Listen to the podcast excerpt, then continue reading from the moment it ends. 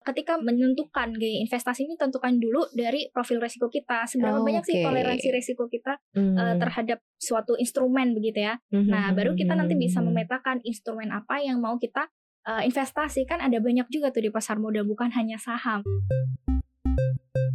Nah sekarang kan ada penetapan nih kalau di Bursa Efek Indonesia udah ada uh, auto reject uh, atas kemudian auto reject bawah. Hmm. Ini lebih cocok untuk gaya investasi yang mana sih? Eh, untuk jangka waktu jangka pendek lah misalnya kurang dari setahun ya kita pilih beberapa instrumen yang memang dia low risk gitu Mhm. kalau misal di saham juga nanti akan ada strategi sendiri namanya trading Paham Pantauan Saham Makin paham makin cuan. Hai Sobat Cuan apa kabar? Selamat datang di podcast Cuap Cuap Cuan Nah hari ini ada pantauan saham paham. Makin paham makin. Cuan. Yeah, bareng Maria Katarina dan juga Tasya Natalia. sebagai equity analyst CNBC Indonesia. Oke, Sobat Cuan pasti penasaran dengar suaranya ya. Aduh anaknya kayak gimana? Semain dong ke CNBC Indonesia ya. Atau sering nonton di CNBC Indonesia TV di beberapa program Tasya udah tampil ya. Udah sering banget tampil. Nah, hari ini seperti biasa di konten paham Kita selalu ngajak atau kasih paham Sobat Cuan semua Tentang hal-hal terkait mengenai dunia investasi Khususnya di pasar modal nih Tasya Nah hari ini kita akan bahas yang agak-agak seru-seru dikit sih sebenarnya agak-agak seru tapi mungkin lebih ke agak-agak ngawang karena kan kita nih kalau dalam berinvestasi punya gayanya masing-masing. Tapi ternyata gaya itu juga menentukan goals finansial kita nih sampai sejauh mana. Nah, makanya kita bahas tema terkait mengenai uh, pilih sendiri gaya investasi kamu ya. Nah, mungkin kita bicara based on experience aja deh. Kamu kalau dalam berinvestasi sejauh yang kamu tahu, apa aja sih gayanya orang-orang berinvestasi, Tash? sebenarnya gaya investasi itu eh, banyak ya kalau Mm-mm. bisa dibilang Eh, dan juga kita menyesuaikan lah karena profil resiko itu Mhm. kan berbeda-beda ya Mm-mm. misal eh, kalau dari pemula pasti mereka eh, biasanya konservatif dulu pakai modal juga yang cenderung lebih sedikit gitu Minim-minim, ya, ya. minim-minim gitu Mm-mm. tapi kalau yang sudah berpengalaman di pasar modal tentu mereka akan lebih agresif Mhm. mereka akan eh, lebih mengeluarkan modal lebih banyak begitu jadi kita eh, ketika menentukan gaya investasi ini tentukan dulu dari profil resiko kita seberapa banyak Oke. sih toleransi resiko kita eh, Hmm. terhadap suatu instrumen begitu ya Mhm, Nah, baru kita nanti bisa mhm. memetakan instrumen apa yang mau kita uh, investasi. Kan ada banyak juga tuh di pasar modal, bukan hanya saham. Ada obligasi, ada Hmm. deposito, terus uh, ada reksadana juga. Oke, berarti gayanya ditentukan dari profil resiko. Karena profil resiko itu juga produk turunannya ya.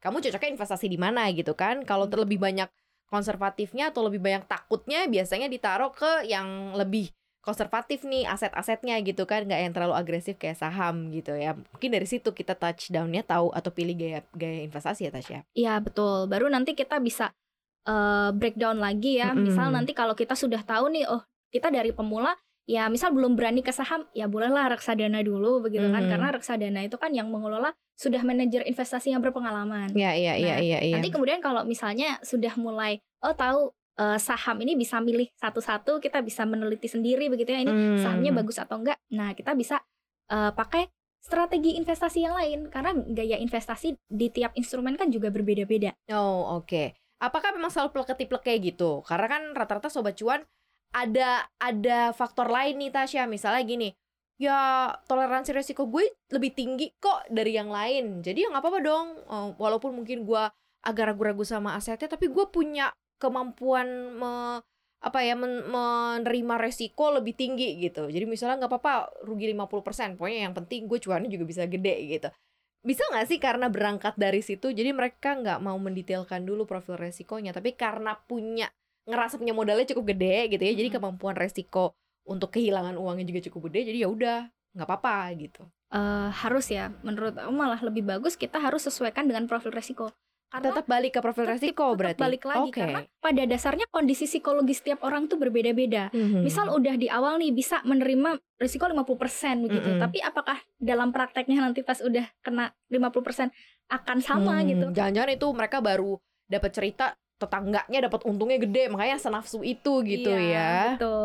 Dan kita juga kalau misal eh, di saham gitu ya, ada beberapa strategi seperti value investing dan juga growth investing yang Mhm, mana kita juga mhm. berfokus pada kondisi fundamental perusahaan. Oke, Jadi oke, oke. semisal kita hold suatu saham gitu ya atau suatu instrumen apa pun kita kan akan menilai apakah aset itu memang layak gitu untuk di hold. Jadi Mhm, misalkan eh, profil resiko bisa sampai eh, menerima loss 50% tapi apakah dalam tanda tanya eh, perusahaan itu layak gitu untuk di hold ataupun instrumen lainnya tuh eh, layak gitu untuk hold it dalam jangka panjang kan tentu saja harus diteliti lagi, harus dianalisis lebih Hmm. dalam. Jadi ternyata ya sobat cuan dari eh, yang tadi Tasya bilang dan selalu ya Cop-Cop Cuan juga selalu ngomongin gitu bahwa ada stepnya kamu masuk ke satu instrumen investasi tertentu ada pengenalannya ada pela- pelajarannya kamu naik ke level berikutnya kemudian kemampuan toleransi kamu terhadap resiko juga sebaiknya sih naik pelan-pelan ya jangan langsung 50% gitu karena kayak gawat ya nanti kalau hilang 100% gawat gitu ya posisinya ya Nah, sebenarnya sejauh mana sih pilihan-pilihan kita terhadap gaya investasi ini bisa menentukan goals? Oke, artinya adalah oh, bisa dinyatakan oh gaya investasi gue berhasil. Makanya investasi gue ternyata cuannya oke nih. Ketika kita lagi review porto kita oke. Oh, selama ini cocok nih gaya investasinya. Kalau yang kamu lihat kayak gimana? Oke, nah kita lihat juga jangka waktu ya. Mm-mm. Karena eh, beberapa instrumen juga kita sesuaikan berdasarkan jangka waktunya. Kalau misalnya eh, untuk jangka waktu jangka pendek lah, misalnya kurang dari setahun, ya kita pilih beberapa instrumen yang memang dia low risk gitu. Mhm. Kalau misal di saham juga nanti akan ada strategi sendiri namanya trading. Mm-mm, Oke. Karena kalau trading itu kan kurang dari setahun ya. Jadi eh, kita harus sesuaikan lagi. Biasanya yang eh, low risk dan juga untuk jangka pendek itu kalau di reksadana ada reksadana pasar uang. Mhm, Kemudian eh, deposito juga ada maksimalkan setahun ya rata-rata begitu. Jadi itu cukup oke lah untuk yang jangka pendek. Jadi kita tinggal sesuaikan aja. Kira-kira goals kita kurang dari setahun apa? mhm. Misalnya eh, mau jalan-jalan atau misalnya mau eh, mudik begitu ya yang Mhm. rutinitas tiap tahun. Kemudian kalau untuk goals yang jangka panjang gitu misalnya untuk menikah atau misalnya untuk dana pensiun begitu Mhm. ya kita bisa menyesuaikan eh, gaya investasi kalau misal seperti pemula ya kita bisa eh, menempatkan di reksadana lah reksadana saham yang memang dari segi resiko lebih tinggi begitu kan dibandingkan dengan reksadana Hmm. jenis lainnya Mhm. atau kalau kita sudah eh, merasa siap begitu eh, terjun di pasar saham sendiri ya bisa mengelola sendiri eh, berdasarkan value investing atau growth investing Oh, oke. Itu yang paling tertinggi berarti ya kalau pengelola sendiri ya. Iya. berdasarkan growth investing dan value investing berarti setelah melewati tahap-tahap yang tadi kamu bilang gitu dan ternyata kalau dari uh, profil resiko diturunin lagi ke tujuan investasinya baru ditentuin ke asetnya ya berarti masing-masing perlakuannya tuh beda-beda gitu ya betul apakah gaya investing menurut kamu ini gaya investasi bisa berubah tadinya orangnya konservatif terus ngerasa kayak cuannya nggak gede ya udahlah eh, kayaknya harus agak berani dikit nih di push gitu.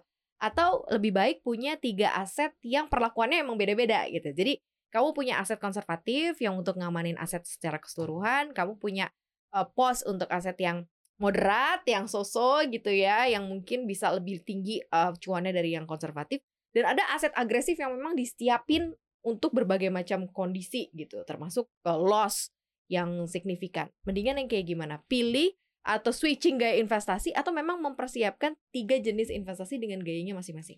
Eh, sebenarnya untuk gaya investasi itu lebih mengikuti eh, ini juga ya kondisi ekonomi ya. Tapi sebelum berinvestasi ada baiknya kita tuh menyiapkan ketahanan eh, atau pondasi keuangan kita dulu. Jadi kan kalau sebelum berinvestasi kita fokus dulu lah eh, dana darurat. Jadi untuk eh, yang konservatif ya bisa dibilang seenggaknya tuh walaupun gak masuk di instrumen pasar modal tapi punya cash gitu. Jadi cash ini tuh bisa buat jaga-jaga. Semisal kondisi ekonomi kayak pas pandemi COVID-19 memang kan kita tidak tahu ya Iya, kalau iya. ada yang kena PHK ataupun eh, ya pendapatannya berkurang dan lain Mm. sebagainya kan kita bisa berjaga-jaga. Jadi oh, I see. Jadi daripada kamu bagi-bagi gaya investasinya beda-beda gitu ya Mm-mm. atau modal investasi kamu jenisnya beda-beda mending kamu amanin dulu yang dana daruratnya Ya, gitu ya betul. pondasinya. Tapi nggak cocok berarti kalau untuk ini ada yang gue konservatif, ada yang moderat atau ada yang agresif gitu. bisa saja tuh tergantung nanti modal kita berapa. Balik lagi Duit lo ada berapa gitu ya? Cukup Iya. gak dibagi-bagi gitu ya? Betul. Tapi paling utama kita eh, pertahankan dulu punya dana darurat. Baru kalau misalnya kita udah Hmm. punya eh, spend lebih gitu ya, pendapatan udah mulai stabil nih tiap bulannya, ya kita bisa anggarkan atau alokasikan eh, tiap bulan itu untuk pos investasi Mhm, begitu. Nah, mhm. baru investasi ini baru kita kelola lah. Hmm. Kan ada istilah high risk high returns. Berarti ya kalau mau terima returns yang gede ya resikonya juga harus besar. Nah, di situ juga biasanya ada poin, wah ketahuan nih investasi kita berhasil atau enggak karena kita mengambil taruhlah aset yang mungkin jauh lebih lincah gitu ya. Be, uh, bisa nggak sih itu diterapkan gitu sebagai salah satu model uh, investasi atau mungkin kamu setuju nggak sih bahwa pilihan high risk high returns itu jauh lebih berhasil gitu uh, nilai investasi di ujungnya ketika kita review? Betul, itu setuju lah high risk high return -hmm. ya. Kita menempatkan suatu uang kita di instrumen yang uh, high risk kayak di saham itu kan termasuknya ke high risk, memang akan mendapatkan return lebih tinggi. -hmm. Kalau secara rata-rata uh, kan banyak tuh ada saham yang bahkan dalam seminggu aja naik 100% ada gitu. Uh -uh. Nah, itu menjadikan kita peluang uh, keuntungan memang lebih tinggi. Tapi ya uh, ketika kita siap high risk high return juga sama aja sebaliknya. Ketika terjadi penurunan juga akan turun lebih dalam gitu. Hmm. jadi emang dana darurat itu paling penting ya. Dan kalau mau masuk di pasar modal atau investasi kita tentunya pakai uang dingin hmm, gitu. Jadi okay. jangan sampai lah pakai uang panas. Makanya uh, kenapa investasi itu kita tempatkan terakhir supaya uh, di awal tuh kita udah persiapkan dana darurat, udah persiapkan buat jaga-jaga begitu. Jadi sebisal pun kita mengalami floating loss karena investasi kan jangka panjang. Mm -hmm. Jadi kita nggak akan terlalu pusing gitu. Mm -hmm. Jadi uh, kehidupan kita tuh sehari-hari nggak akan uh, terlalu terdampak lah. Iya karena udah pakai duit dingin, udah punya dana darurat ya aman gitu ya. Investasinya hmm. juga silahkan gitu ya, go ahead. Nah untuk uh, misalnya nih investor-investor yang tadinya misalnya uh, awalnya mereka investasinya tuh harian kayak jadi trader gitu. Terus tiba-tiba kejebak di kasus tertentu yang membuat nggak bisa out sehingga jadilah investor gitu. Nah, kamu ngelihatnya seperti apa sih orang yang kemudian berubah gaya investasi karena tobat di satu pilihan investasi sebelumnya gitu ya. Jadi tobat jadi trader terus jadi investor. Nah ini kayak gimana sih? Kayaknya banyak deh sekarang tuh. Iya emang udah banyak terjadi bahkan saya sudah pernah juga. Oh iya. jadi ini adalah contoh trader yang jadi iya. investor. jadi dulu pas awal mula kan, maksudnya okay, okay. Uh, mengenal saham begitu ya kan mm -hmm. kita belum terlalu uh, pintar lah untuk nyari saham yang bagus tuh yang gimana sih yang untuk investasi gitu ya. Karena kan saham di bursa tuh banyak ya sekarang udah 800 Parah lebih. iya. Iya. Dan nggak semua saham itu sebenarnya cocok untuk diinvestasi karena mm -hmm uh, pada dasarnya kalau kita mau investasi kita cari perusahaan yang sehat lah. Secara neracanya, dia punya kas yang bagus, dia punya profitabilitas juga solid, dia punya valuasi murah itu bonus lah ya, gitu. Jadi hal-hal seperti itu tuh perlu kita uh, ulas dulu, perlu kita pahami dulu sebelum kita investasi. Tapi uh, banyak investor atau pelaku pasar tuh yang nggak mempedulikan itu dan tinggal beli-beli aja, apalagi kalau misal masuk grup uh, saham atau masuk mm -mm, uh, di komunitas mana yang mereka jadi bingung kan. ah ini bagus nih tapi ini juga bilang ini bagus juga. Akhirnya mereka ya udahlah gas aja beli tapi malah kehilangan momentum begitu ya. Jadi loss dan uh, mungkin akhirnya mereka, bertobat lah gitu ya, ya bertobat. Dan uh, biasanya yang dari apa ya maunya trader begitu ya ketika mereka udah capek keuntungan mungkin mereka greedy gitu ya pengen capai lebih keuntungan lebih gede, benar, gitu. benar, benar, Tapi benar. ternyata di bawah turun. Nah, pas di bawah turun mereka nggak siap untuk cut loss. Mm -hmm. Nah, hmm, hmm. di sinilah jadi tantangan ya udahlah hold aja nanti naik lagi gitu hmm. biasanya. Makanya berubah jadi investor karena jadi ngehold ya. Padahal kalau trader kan hanya hitungan apa trader harian ya. Kamu yeah. harus uh, stick to the point ya hari itu rugi ya cabut, untungnya cabut gitu kan. Harus benar-benar firm gitu pilihan sahamnya.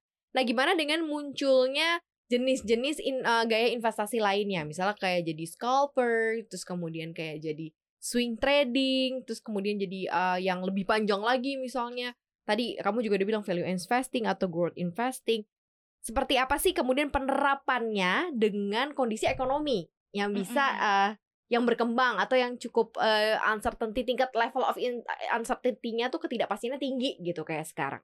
Oke, okay, sebenarnya emang uh, beberapa kondisi ekonomi itu bisa mengubah gaya investasi juga mm -hmm. ya. Misal uh, kalau lagi pandemi kemarin 2020 itu banyak banget saham-saham yang turun dalam. Yes. Nah, tapi di satu sisi ini menjadi satu peluang kalau kita mau investasi. Mm -hmm. Karena banyak saham-saham perusahaan besar dan berfundamental sehat itu harga sahamnya turun karena kondisi ekonomi aja, bukan karena internalnya. Mm -hmm. Berarti ini bisa menjadi satu peluang kita untuk uh, beli gitu. Kemudian di tahun ini sebenarnya juga uh, masih ada uncertainty kan dari global dan masih juga ada beberapa saham yang sebenarnya murah gitu. Jadi mm -hmm. ya kita bisa cek-cek aja saham yang murah ini masih uh, bagus untuk kita investasi gitu.